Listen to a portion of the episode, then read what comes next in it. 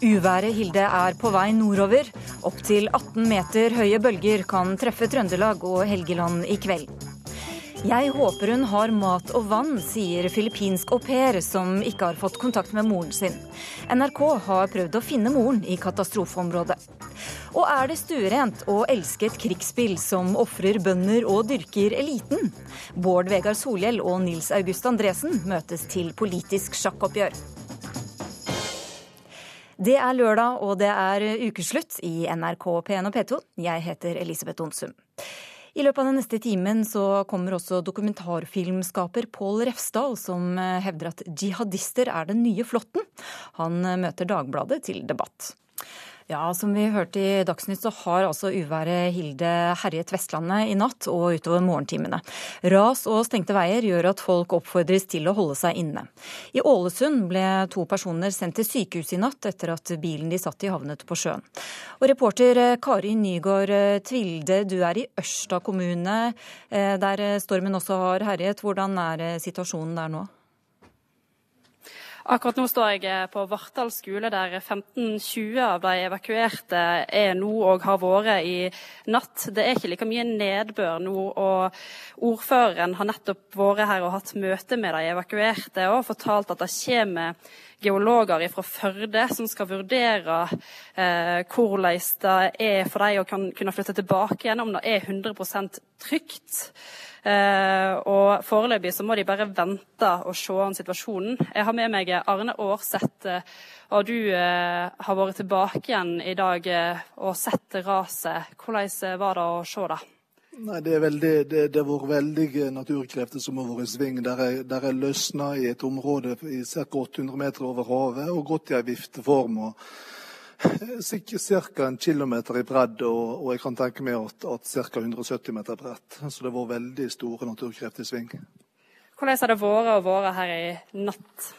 Eh, akkurat her på skolen er vi jo trygge. Det som, det som er litt spesielt, er at vi, vi, vi bor jo i et dalføre der vi på en måte var skåna for slike, for slike ras. Det har ikke skjedd ras i dette området på ca. 400 år. Eh, og, og, så det kommer nok litt som ja, det kommer veldig overraskende. Eh, føler du at det er trygt å flytte tilbake igjen eh, senere i dag, kanskje? Eh, trygt og trygt. Vi registrerer jo at nedbøren har gått ned betraktelig, og elvene har gått tilbake til egentlig normale mengder. Så, så, så, vi får bare vente på, på konklusjonene til geologene, og så, og så får vi stole på, på det de sier. Det er altså det jeg kan rapportere fra Vartdal skole. De eh, evakuerte må foreløpig bare vente på hva geologene har å si, og om de kan flytte tilbake igjen i løpet av ettermiddagen er fortsatt uklart. Ja, takk skal du ha. Vi skal videre til eh, Trøndelag. Der er du reporter Ståle Ytrehus. Eh, du er på Uthaug lengst sør på Fosenhalvøya, har jeg forstått. Hvordan er det der nå?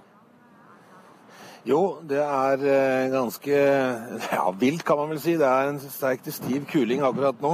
Slik at stormen har ikke nådd land her enda. Jeg snakka med meteorologen som sier at det vil skje sånn ca. klokka 16 og utover. Og Da venter han her på Fosen en eh, ja, liten til sterk storm av og til, men ikke noe særlig mer enn det. Jeg står og ser på at folk går ut på havna her, båthavna her og eh, forsterker eh, fortøyningene på båtene sine. Og Jeg ser sjøsprøyten står over moloen. Det er, det er ikke så ofte det skjer. Og Da kan vi tenke oss hvordan det blir seende ut her når stormen kommer inn for fullt. Jeg snakka med brannvesenet, som har en eh, beredskap. De sitter i møte nå bare for å ha, vite hvor de har hverandre. Og de oppfordrer folk til å gå ut nå langs hele kysten her og se om det finnes løse gjenstander. I fjor disse tider så så jeg en trampoline som lå langt ute på et jorde. Det blåser, det tar voldsomt tak, og det er livsfarlig. Så brannvesenet oppfordrer folk til å, til å, stramme inn ting og til å ta vare på løse gjenstander ute i, ute i hage og hvor det nå er. Og politiet har også en beredskap. De er oppmerksom på hva som skjer, slik at eh, de er klare til å eh, trå til hvis det skulle trengs. Fosen er jo lengst sør i Sør-Trøndelag, eller nesten det. Det de sier eh, hos meteorologen her på Ørland hovedflystasjon, det er at eh, verre blir det nordover, Nord-Trøndelag, og ikke, for ikke å snakke om eh, Helgelandskysten. Der kan de risikere en sterk storm. Og det er middelvind, så, man blir klar over at det kommer mye mer enn det i kastene. Så dette er en alvorlig storm som kommer. Det må ikke undervurderes. Det sier de i alle leire. Ja, helt til slutt, altså Vi hører om at det kan, kan bli bølger på opptil 18 meter. Eh, hvordan kommer det til å påvirke området der du er? Ja, Det er jo klart at eh, sånn som jeg står og ser her nå, hvis det kommer 18 meter bølger her, så vil det, så vil det gå ganske ille. Eh, meteorologen på Ørland hovedflystasjon han eh, tror det var mest ute i havet, og kanskje også nordover langs Hel Helgelandskysten. Så, men det igjen, det er, det er verdt og det er viktig å sikre verdiene sine, sånn som her på Uthaughavna, hvor de nå går og forsterker fortøyningen på båten sin. De har også bestemt seg for å møtes i kveld for å følge med og være her i tilfelle noe skulle skje. Takk skal du ha, Ståle Ytterhus. Det er jo sånn jeg har vunnet mange partier eh, før, at jeg uh, maler ham i senk til slutt. Så det er veldig deilig å bryte gjennom, og nå, nå, er, det, nå er, det, opp til han å, å skape sjanser. Ja, det sa en eh, glad Magnus Carlsen etter seieren i går i India. Men i dag er han så visst i gang igjen, og reporter i India Ole Rolfsrud, hvordan ligger han an nå? Akkurat nå så er han under angrep fra Vishy Anand, den bengalske tigeren som han blir kalt her i eh, Chennai. Eh, Vishy Anand, som er regjerende verdensmester, han spiller i dag med hvite brikker. Det betyr at han starter hele spillet, og som gjør da at han eh, går i angrep på Magnus Carlsen. Men som veldig mange sjakkeksperter her nede sier, noe av det vanskeligste i internasjonal sjakk det er å slå Magnus Carlsen. Så vi får eh, se om Vichy Vishy Annan klarer den bragda i løpet av de neste timene. Har seieren i går gitt han noe psykologisk overtak eh, på noen måte, tror du? Definitivt. Klart det. I går så, så Vishy Anand slagen ut. Um, og desto da mye hyggeligere for Magnus Carlsen. På pressekonferansen i går så smiler Carlsen, det gløder av øynene hans. Selv om han da hadde spilt sjakk i eh, seks timer omtrent, så eh, var han eh, full i energi.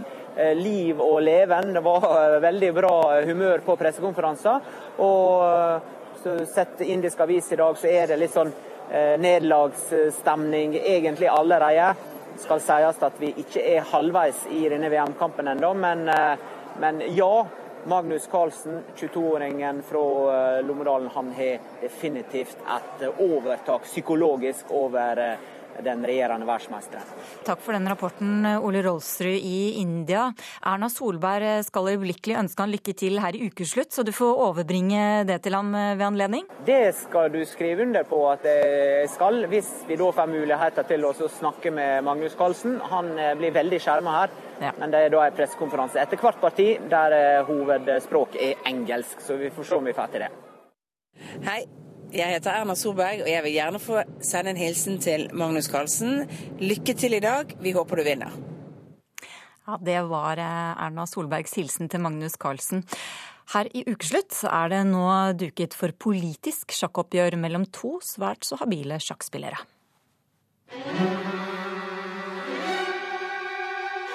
Jeg er Nils August Andresen, redaktør med Nerva. Jeg representerer eh, høyresiden i eh, politisk sjakk.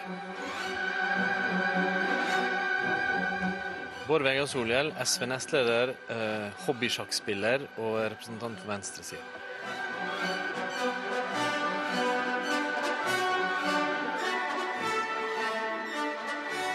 Jeg starter med hvit, eh, og da begynner vi med det vanligste åpningen i boka.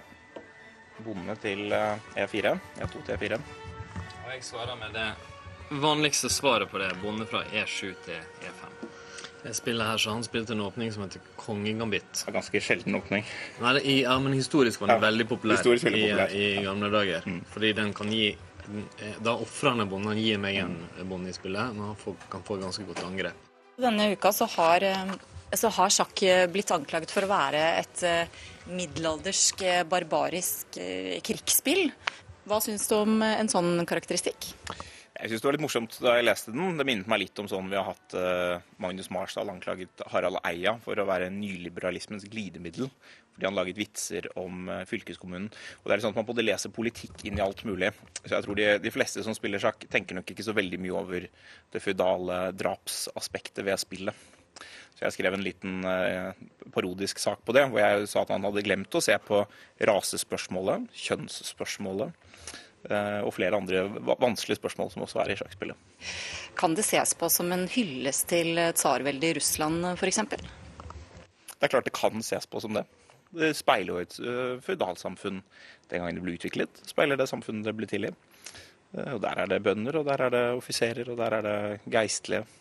Og der er det konger. Så det er Man kan se på det på den måten, men det er nok ikke den mest fruktbare måten å se på sjakk på.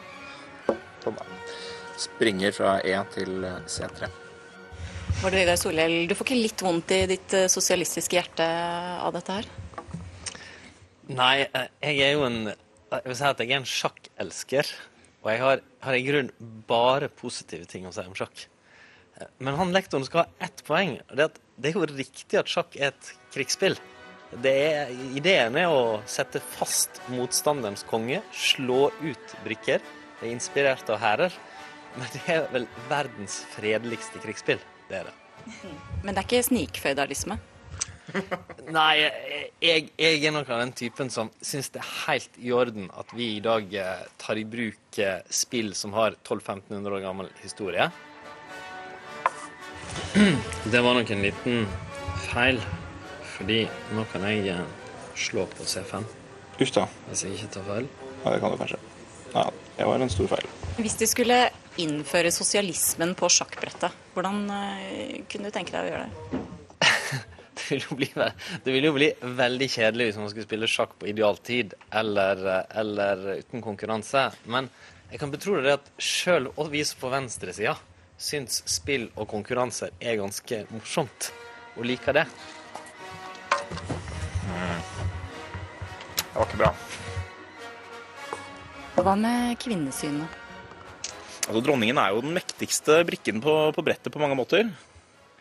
Tilsynelatende mektig skrev jeg en regel, men allikevel så ofres hun like lett som den simpleste bonde hvis det virkelig kniper. Fordi eh, hun lever til syvende og sist eh, kun for sin mann. Som, eh, og det er jo både fugleburet og glasstaket og alt sammen på en gang. Nå er jo denne sjakkfeberen over oss. Hva gjør det med samfunnet vårt, tror du? Er det grunn til å advare mot dette spillet, syns du? Uh, vi får se hvordan det går her. Nå frykter jeg at dette er et spill hvor venstresiden gjør det veldig skarpt. Og det er alltid grunn til å advare mot disipliner der venstresiden gjør det skarpt.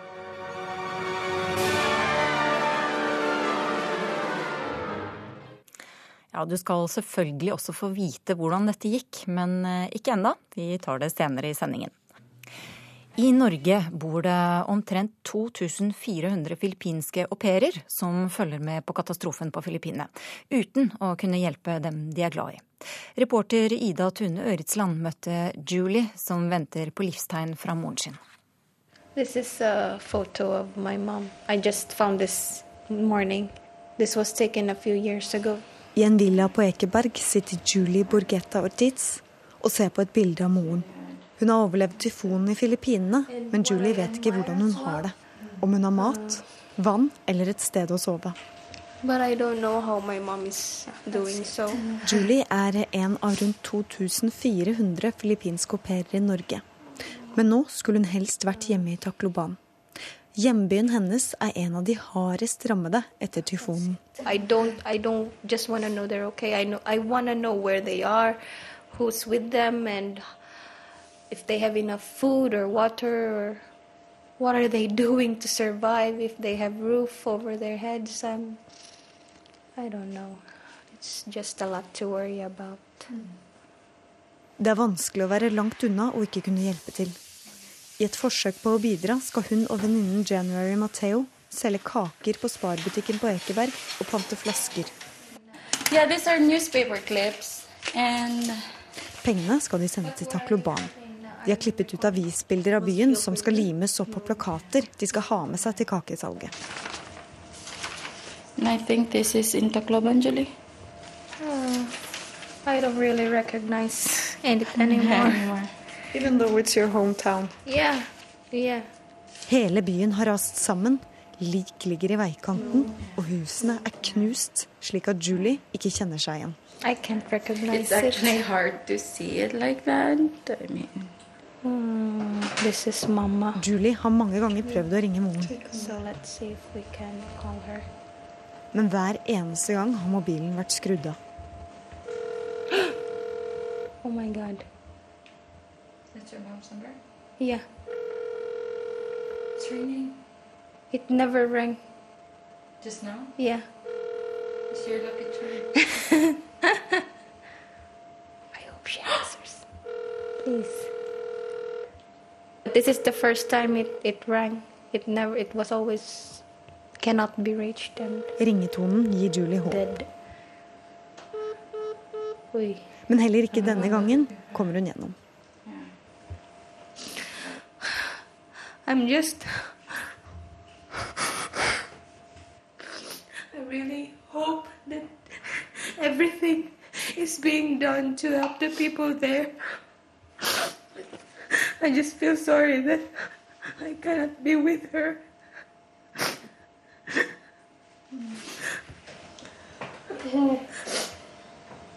So, all we can do is just wait and see what happens and just do whatever we can to help them as well. We're just really overwhelmed with the help that is coming in, but also feel frustrated because we still hear and we see it on the news that a lot of um, victims are not um, getting that help Ja, kollega Philip Lote, du er eh, på Filippinene, og du har faktisk prøvd å få tak i moren til eh, Julie. Ja, vi kjørte i dag ut og forsøkte å lete etter henne. Og hvordan gikk det? Ja, vi, vi kjørte utover i den bydelen som heter GV eh, Subdivision, hvor da moren eh, skulle bo. Eh, da hadde vi fått en adresse Lavan Street, eller Lavan Street 133. Eh, vi kjørte Dette er en del av byen som da eh, ikke er blant de mest ødelagte. De fleste husene står. De, noen har fått takene sine revet av. Men eh, fordi det ikke har vært så store ødeleggelser, så er det heller ikke ryddet opp der. Så vi måtte kjøre sikksakk mellom eh, høyspentledninger, kabler som hadde falt ned og lå, i gatene. Eh, Og så fant vi denne adressen, og der var det en eh, mann, og han bekreftet at dette stemte, men eh, mor var eh, ikke der. Eh, hun hadde var nede i en gate like i nærheten som heter Hollywood eh, Lane. Og når vi da begynte å bevege oss ned dit, så var eh, gatene oversvømt. Eh, og vi måtte snu faktisk. Vi prøvde å kjøre et stykke ned, og så måtte vi snu. Eh, vi hadde prøvd å ringe mor, Corazon, tidligere. Da hadde hun ikke tatt telefonen. Hun prøvde igjen. Nå tok hun telefonen. Eh, og så ble hun hørtes litt brudd ut, og så, og så sa hun at vi skulle komme og møte oss. Og tre minutter senere så kom Corazon eh, vaskende ned eh, Hollywood eh, Lane. Ja, og, og hvordan reagerte hun på at det kommer en reporter fra Norge og, og forteller at datteren i Norge er bekymret for henne? Ja, Hun var litt brydd. Jeg sa jo at datteren min har vært veldig veldig bekymret. og gjorde ikke veldig stort inntrykk på henne. Og sa jeg, men nå har jeg snakket med henne. sa hun. Ja, var, ja. Så, Nei, det var i går. Uh, ja. Ja da, så nå har vi snakket sammen. sa hun. Så nå er ikke dette noe mer å snakke om. Og så spurte jeg om hun var litt brydd da, og overrasket over at noe, datteren hadde eh, snakket så høyt om dette i norsk radio hjemme. Og nei, eh, datteren min eh, blir litt lett alarmert, og hun eh, får litt sånn panikkmodus litt raskt. Og dette er ikke noe nytt, sa hun. Det var veldig avslappende, men ville vel kanskje ikke at datteren skulle bekymre seg, da? Nei da, men hun sa dette var ikke over, for datteren var fremdeles opptatt av at hun skulle komme hjem og måtte komme seg bort, og var redd for at det skulle være karantene, helsekarantene innført i området, ville at hun skulle dra enten til øh, øh, Sabo eller til Sebo eller til Manila, men, men øh, hun sier at hun ikke har tenkt til å dra noe sted, hun har fire hunder som hun passer på, og så sier hun, må huske på, Julie, at mamma er jentespeider og vet å ta vare på seg selv. Takk skal du ha, Philip Lote.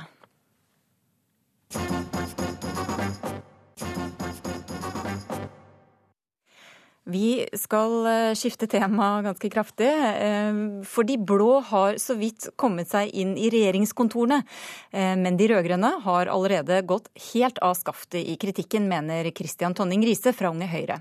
Her er Jens Stoltenberg fra Fagforbundets landsmøte denne uka. Og, kom, og, De lovet å fjerne dem. Null bommer. Og, nå, og poenget blir ikke bare at det ikke blir null, det blir fler.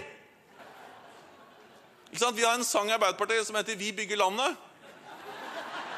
De skal bygge bomstasjoner! Og så, og så, tror de at fordi de nå har avlyst ett, det minste prosjektet, så skal liksom det gi dem grunn til å bygge alle de andre. Altså, Så lettlurt er vi ikke. Ja, Det var Jens Stoltenberg fra Fagforbundets landsmøte på mandag. Kristian eh, Tonning Riise fra Civita og sentralstyremedlem i Unge Høyre. Hva skjer i hodet ditt eh, når du hører dette kuttet? Nei, altså det, det, er jo litt, det er jo litt morsomt, jeg må innrømme det. Men jeg, jeg syns jo at eh, det virker litt som jeg har sett flere eksempler på nå på at Arbeiderpartiet virker som de har et voldsomt behov for å måtte ta Frp og latterliggjøre FRP-lighet. At det noen ganger går på bekostning av innholdet i den politiske debatten. og Jeg syns egentlig at dette var et litt uh, eksempel på det. Eh, tar de sånn. Det, det paradokset her er jo, at, er jo, at, Arbeiderpartiet er jo for bompenger, og har alltid vært for bompenger. Og har jo da egentlig stått for den, ganske, den mest voldsomme utbyggingen av bomstasjoner som vi har hatt i Norge. Så er det sånn at Frp har gått til valg på å fjerne bomstasjonene, mens eh, Høyre har eh, aldri hatt noen sånn veldig prinsipiell motstand mot det. Så man har blitt enige om et kompromiss da, om, å, om å redusere bompengeandelen. Da skulle man jo tro at kritikken til Arbeiderpartiet dreide seg om at man kritiserte den politikken man var mot. At man har kritisert at, eh, at den nye regjeringen da bruker penger på å redusere bompengeandelen istedenfor et annet prosjekt som Arbeiderpartiet er for.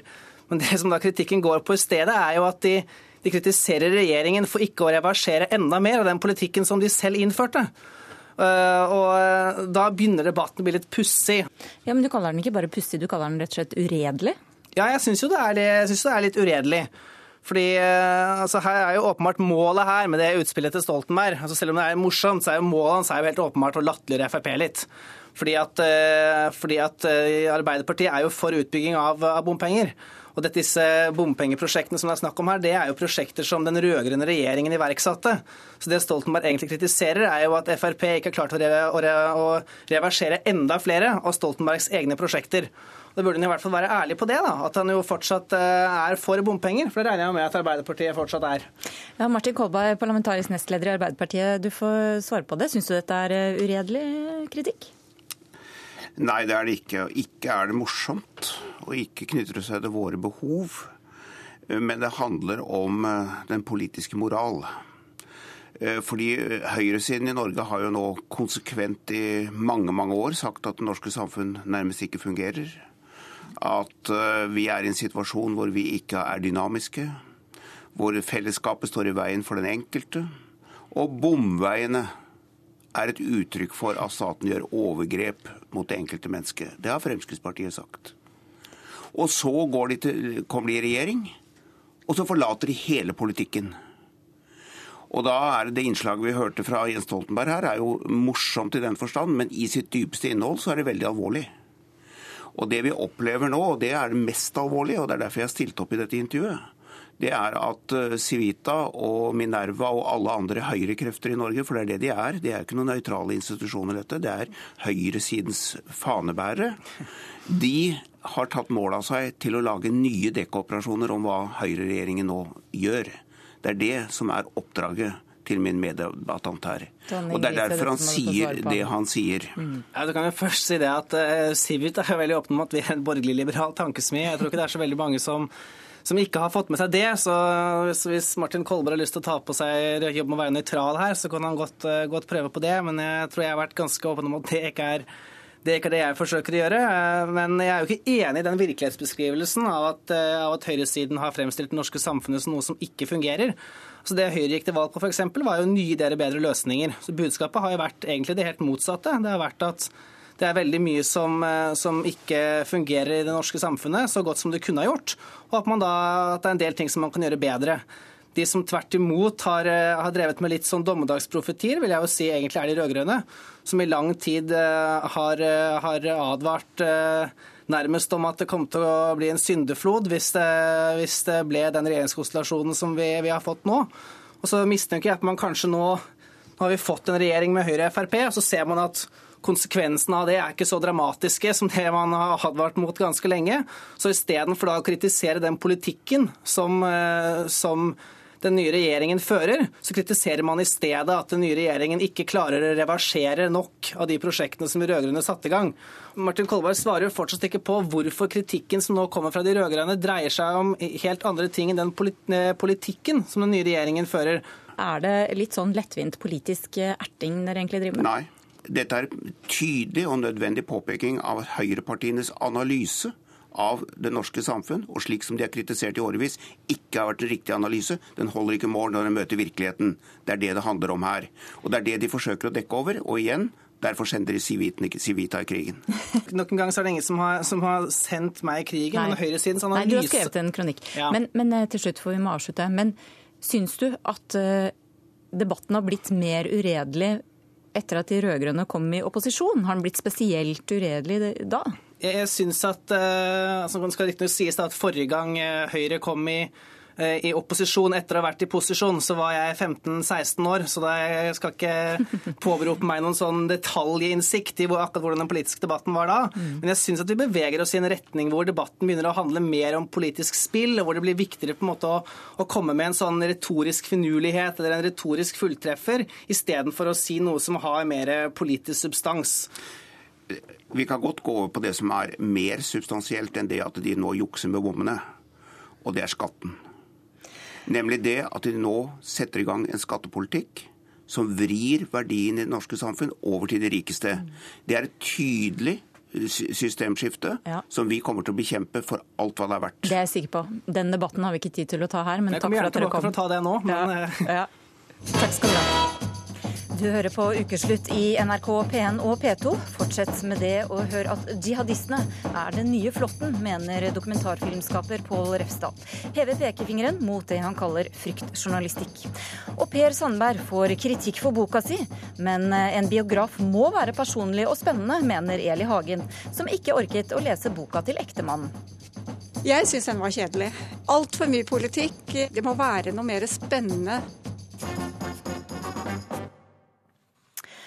Journalister lar ikke kunnskapsløshet stå i veien for en god historie når det kommer til muslimer som, delta, som deltar i krig i utlandet.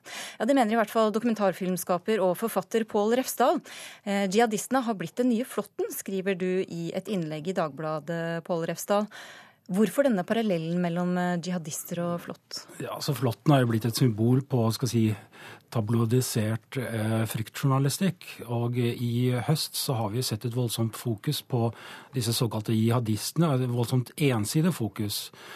Eh, så det altså, jeg etterlyser, er vel mer grundig kritisk journalistikk, hvor vi også tar med skal si, mer enn bare spekulasjoner.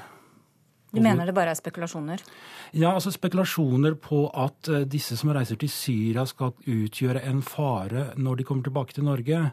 For det har vi ikke noe dokumentasjon på, og det har vi egentlig ikke noe annet enn enn, som sagt spekulasjoner. Det er jo ofte PST som, eh, som frembringer denne bekymringen. Tar de feil?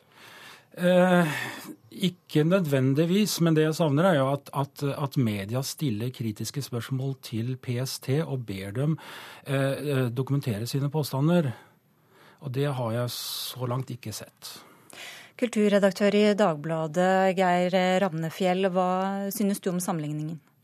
Altså, jeg syns det er veldig eh, underlig at han bagatelliserer noe som er en av de mest foruroligende og påfallende politiske tendensene i vårt samfunn i dag. Eh, Å si at ikke vi eh, stiller kritiske spørsmål til PST og er kritiske i vår dekning, er dessuten også fullstendig feil. Refsdal? Ja, altså Om dette er den mest foruroligende tendensen i, i dagens samfunn, det, det, det er jeg ikke så, så veldig Jeg sier at det er en av de mest påfallende uh, utviklingene i det norske samfunnet, eller, og, i, eh, og internasjonalt. Altså, eh, det som er eh, det som er eh, eh, klart, er at mediene er heller ikke alene om å sette eh, fokus på dette. Altså, eh, Antirasistisk Senter har også selv tatt initiativ til å, til å eh, ta til motmæle eh, mot, eh, mot Islamnett, som er blitt den største muslimske ungdomsorganisasjonen, som de mener sprer hat. Islamnett og jihadister i Syria er ikke det samme, men de er ideologiske brødre og søstre. og er er på den måten del av samme politiske tendens. Mm. Og Det han sier, er at det er veldig viktig at man at man er villig til å sette kritisk søkelys på begge sider av et politisk spektrum som man ser i dag, hvor man har den nye eh, hva skal man si, høyre, eh, eh, høyreekstremismen med, med, med, eh, med islamofobe på, på, nettet. Og så har man utviklingen med ekstrem eh, islam. Eh, da er det veldig viktig at både PST og norske medier følger, følger nøye med på utviklingen på begge disse sidene. Mm. Nå er jo ikke Islamnett her, men Pål Refsdal, hvilken skade mener du det gjør at man får denne type oppslag? Eh, altså det kan, eh, altså som sagt, Min kronikk dreier seg om disse som reiser til Syria, og at de eventuelt skal utgjøre en, en fare for, for, for uh, Norge etterpå. Eh, det som vi kanskje kan komme i skade for å gjøre, er at, vi, at vi isolerer disse når de kommer tilbake. De føler seg trakassert, kanskje satt utenfor samfunnet.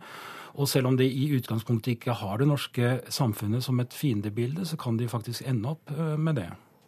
Men nå mener jo eh, Ramfjell at du, du, bagatelliserer et eh, problem som flere har satt uh, søkelys på. Hva sier du til det? Nei, jeg bagatelliserer det, ikke det problemet. Altså det som, Den, den, den uh, metaforen med flåtten, det er vel egentlig å gi pressen et lite stikk for, for, uh, siden fryktjournalistikk. det er, er ikke frykt. Altså, hvis... Ja, men la meg snakke ferdig. men mitt fokus er ikke på å, at det ikke finnes eh, islamske ekstremister i Norge. Det finnes det helt sikkert. Men mitt fokus på er på at de som reiser til Syria, skal utgjøre en spesiell fare. Ja, altså Vi kan gjerne eh, ta eh, Pål Refstad sitt ord for det altså, og regne med at dette går bra. Eller så kan man følge et annet prinsipp hvor man lar PST og norske medier gjøre jobben sin og følge med på eh, en utvikling som helt klart er urovekkende. Eh, og jeg vil jo bare si at eh, dette her følger jo en tradisjon for, som Dagbladet har hatt gjennom 30 år, for ikke å si lenger, med grundig journalistisk arbeid og fokus på å på å avdekke ekstreme miljøer. Altså Helt fra Hadeland-drapene i 1981, hvor vi navnga og rullet opp det høyreekstreme miljøet via uh, drapet på Benjamin Hermansen i 2001, hvor vi også rullet opp det nynazistiske, miljøet og navnga dem. Det er et helt sentralt poeng i, sånn i et sånt journalistisk arbeid. De, uh, det miljøet finnes ikke lenger i dag. Men det er klart at Refsdal har poeng, for det er viktig å nyansere her. Men han, vi må nyansere på en annen måte, og det er sånn som Rune Berglund i, i Antirasistisk Senter har påpekt, at, uh, at det er viktig at pressen nå ikke bare Eh, vier oppmerksomheten sin mot, mot eh, de muslimske miljøene, men også mot de høyre-radikale, de nye høyreradikale miljøene på nettet. Mm. Og Det er en oppgave som mediene helt klart har tatt for lite tak i, og som to og et halvt år etter, eh, etter, etter 22.07 ikke har klart å avdekke eller rulle opp et sånt type miljø. Det er for dårlig, og det, det bør vi helt klart jobbe med. Mm. Men Refstad, hvordan kan du si at, at de ikke utgjør noen fare?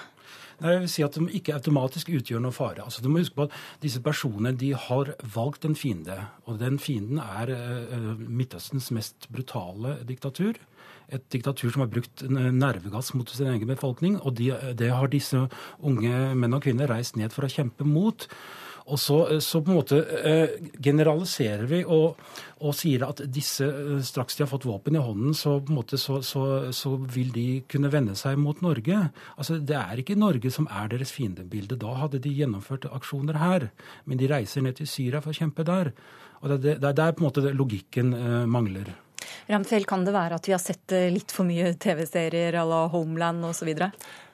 Det kan godt hende at det er mange som har sett for mange episoder av Homeland. Det er en veldig populær serie.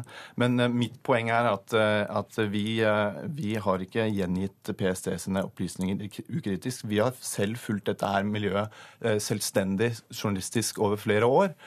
Og har på eget initiativ og eget grunnlag laget, utarbeidet en liste over disse menneskene som vi mener er, utgjør eh, på en måte den harde kjernen da, i en, en, sånn type gruppe. Og så kan man selvfølgelig si at uh, Refsdal vet jo masse om disse menneskene. Han har bodd sammen med dem, han har snakket med dem. Og det er klart at uh, det er mange som har ulike motiver for å reise til Syria. Mange av disse motivene kan være gode, som, som Refsdal påpeker, men vi kan ikke bare fokusere på det. Vi må faktisk også følge med på det. Det er PST sin oppgave, og det er mediene sin oppgave. Refsal, vi må øyeblikkelig avslutte, men, men, du kjenner jo miljøet godt. Kan du si litt om hvordan, eh, hvordan, dette oppleves i de muslimske miljøene som du beveger deg Ja, altså Jeg kjenner jo miljøet både der nede i Syria og eh, noen her i Norge. Og de føler seg vel eh, tilsidesatt, feiltolket av media. Og også at de truslene og trakasseringene de mottar, ikke blir tatt seriøst verken av media eller av myndighetene.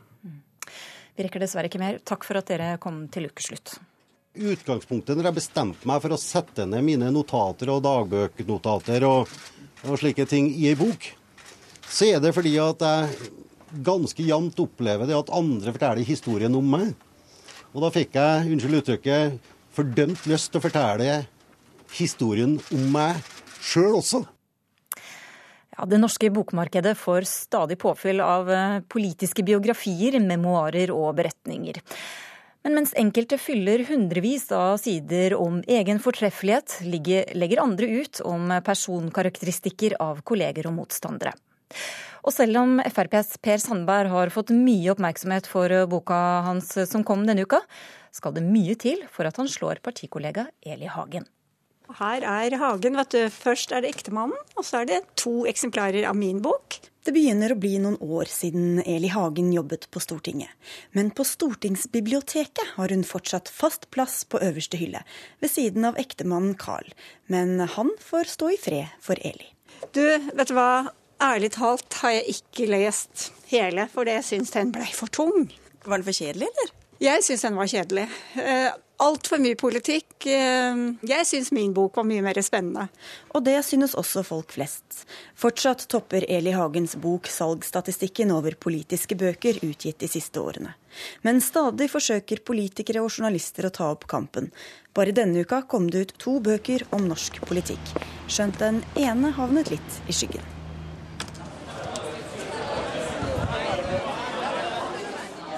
Det er mingling og øl når Fridtjof Jacobsen fra VG har lanseringsfest på et utested i Oslo. Hei, Mari. Hei, Hei, hyggelig å se deg. Jo, tusen takk. Denne boka er jo en, egentlig en reportasjebok om eh, valgkampen. Du skal bokbades? Ja, det blir kort bokbad, ja. Hei. Feiring til tross, Jacobsen har registrert at også en annen mann har gitt ut en politisk bok denne uka. Han skjønner at utskjellinger og karakteristikker i Per Sandbergs biografi er mer snacksy enn beretningen om Erna Solbergs vei til makta. Ja, kan du si det er litt eh, kanskje skuffende, men eh, Erna Solbergs valgkamp og Erna Solberg er liksom ikke det mest skandaleombrusende i norsk politikk. Det er ikke helt sånn Erna Solberg er. Der er det mye orden. Jeg beklager dårlige arbeidsvilkår for dere alle sammen her. Eh, det ble langt flere enn jeg hadde trodd. For på Per Sandbergs pressekonferanse måtte journalistene kjempe om oksygentilgangen, så vel som muligheten til å få et glimt av hovedpersonen selv. Etter at boka lakk ut, lakk ut, så har jeg fått eh, masse positive tilbakemeldinger, men også fått enorm kritikk. Kritikk fikk også Eli Hagen den gangen hun ga ut bok, stappfull av karakteristikker av andre politikeres utseende og oppførsel. Altså, Jeg skulle sikkert ikke skrevet det, jeg vet jo det i ettertid, at uh, mye av det skulle jeg ikke tatt med. Men jeg følte på en måte at det var riktig, jeg vet ikke hvorfor. Og noen har jo takka meg ettertid. At uh, de fikk litt spark i baken om at uh, ja, kanskje hun har et poeng. Men hadde jeg ikke skrevet det jeg skrev, så hadde den sikkert ikke solgt så bra heller. Så vi får si vi er fornøyd med den sånn den ble. Ikke bare ble det oppslag i avisene og ubehagelige møter i stortingskorridorene etterpå. Eli Hagen fikk også kritikk hjemme hos Carl I. Hagen, som ikke hadde lest boka før den ble gitt ut. Da jeg kom hjem, hadde vært hos Skavlan. Så ble, satt han i stolen helt bleik og sa nå må jeg lese boka. Da satt han hele natta og leste boka, og han var ikke blid.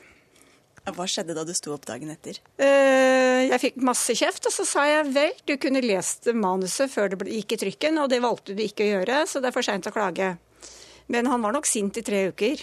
Og det hadde ikke blitt den boka det ble hvis han hadde fått lese den, for han hadde kommet til å luke ut masse. Hva var det han var mest sint for? Det? Eh, karakteristikker. Noe mer vil jeg ikke si enn det, men han var veldig sint for en del ting. Eh, karakteristikker. Det var han. For hvor mye er det greit å karakterisere og utlevere andre mennesker? Selv om det er lenge til Arbeiderpartileder Jens Stoltenberg skal skrive bok, skjønt han nok en dag skal det, har han allerede tenkt mye på nettopp det. Nei, det mener jeg er et dilemma uh, som jeg har tenkt en del på. Det er viktig å skrive en ærlig bok. Det er viktig å skrive en bok som ikke inneholder faktiske feil.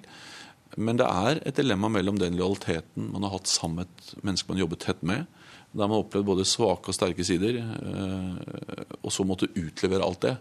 Det vil jeg tenke nøye gjennom hvordan jeg ville håndtert uh, hvis jeg skulle skrive en bok om hvordan jeg skulle håndtere det å si negative ting om mennesker som har stått meg nær, og som jeg er venner med, og som er kolleger, og som selvfølgelig har gjort feil, som jeg. Ja, det er ikke åpenbart at alt det skal utleveres i bok. Det var jo viktig for meg å fortelle en ærlig historie. Men ærlig betyr ikke at alt må med, synes Kristin Halvorsen, som ga ut bok om SV og det rød-grønne prosjektet i fjor, sammen med journalist Lilla Sølhusvik, som luket ut og strammet inn. Hvis du tar altfor mange forbehold, så sovner jo leseren. Men jeg har jo ikke hatt noe veldig behov for å karakterisere så veldig mange personer.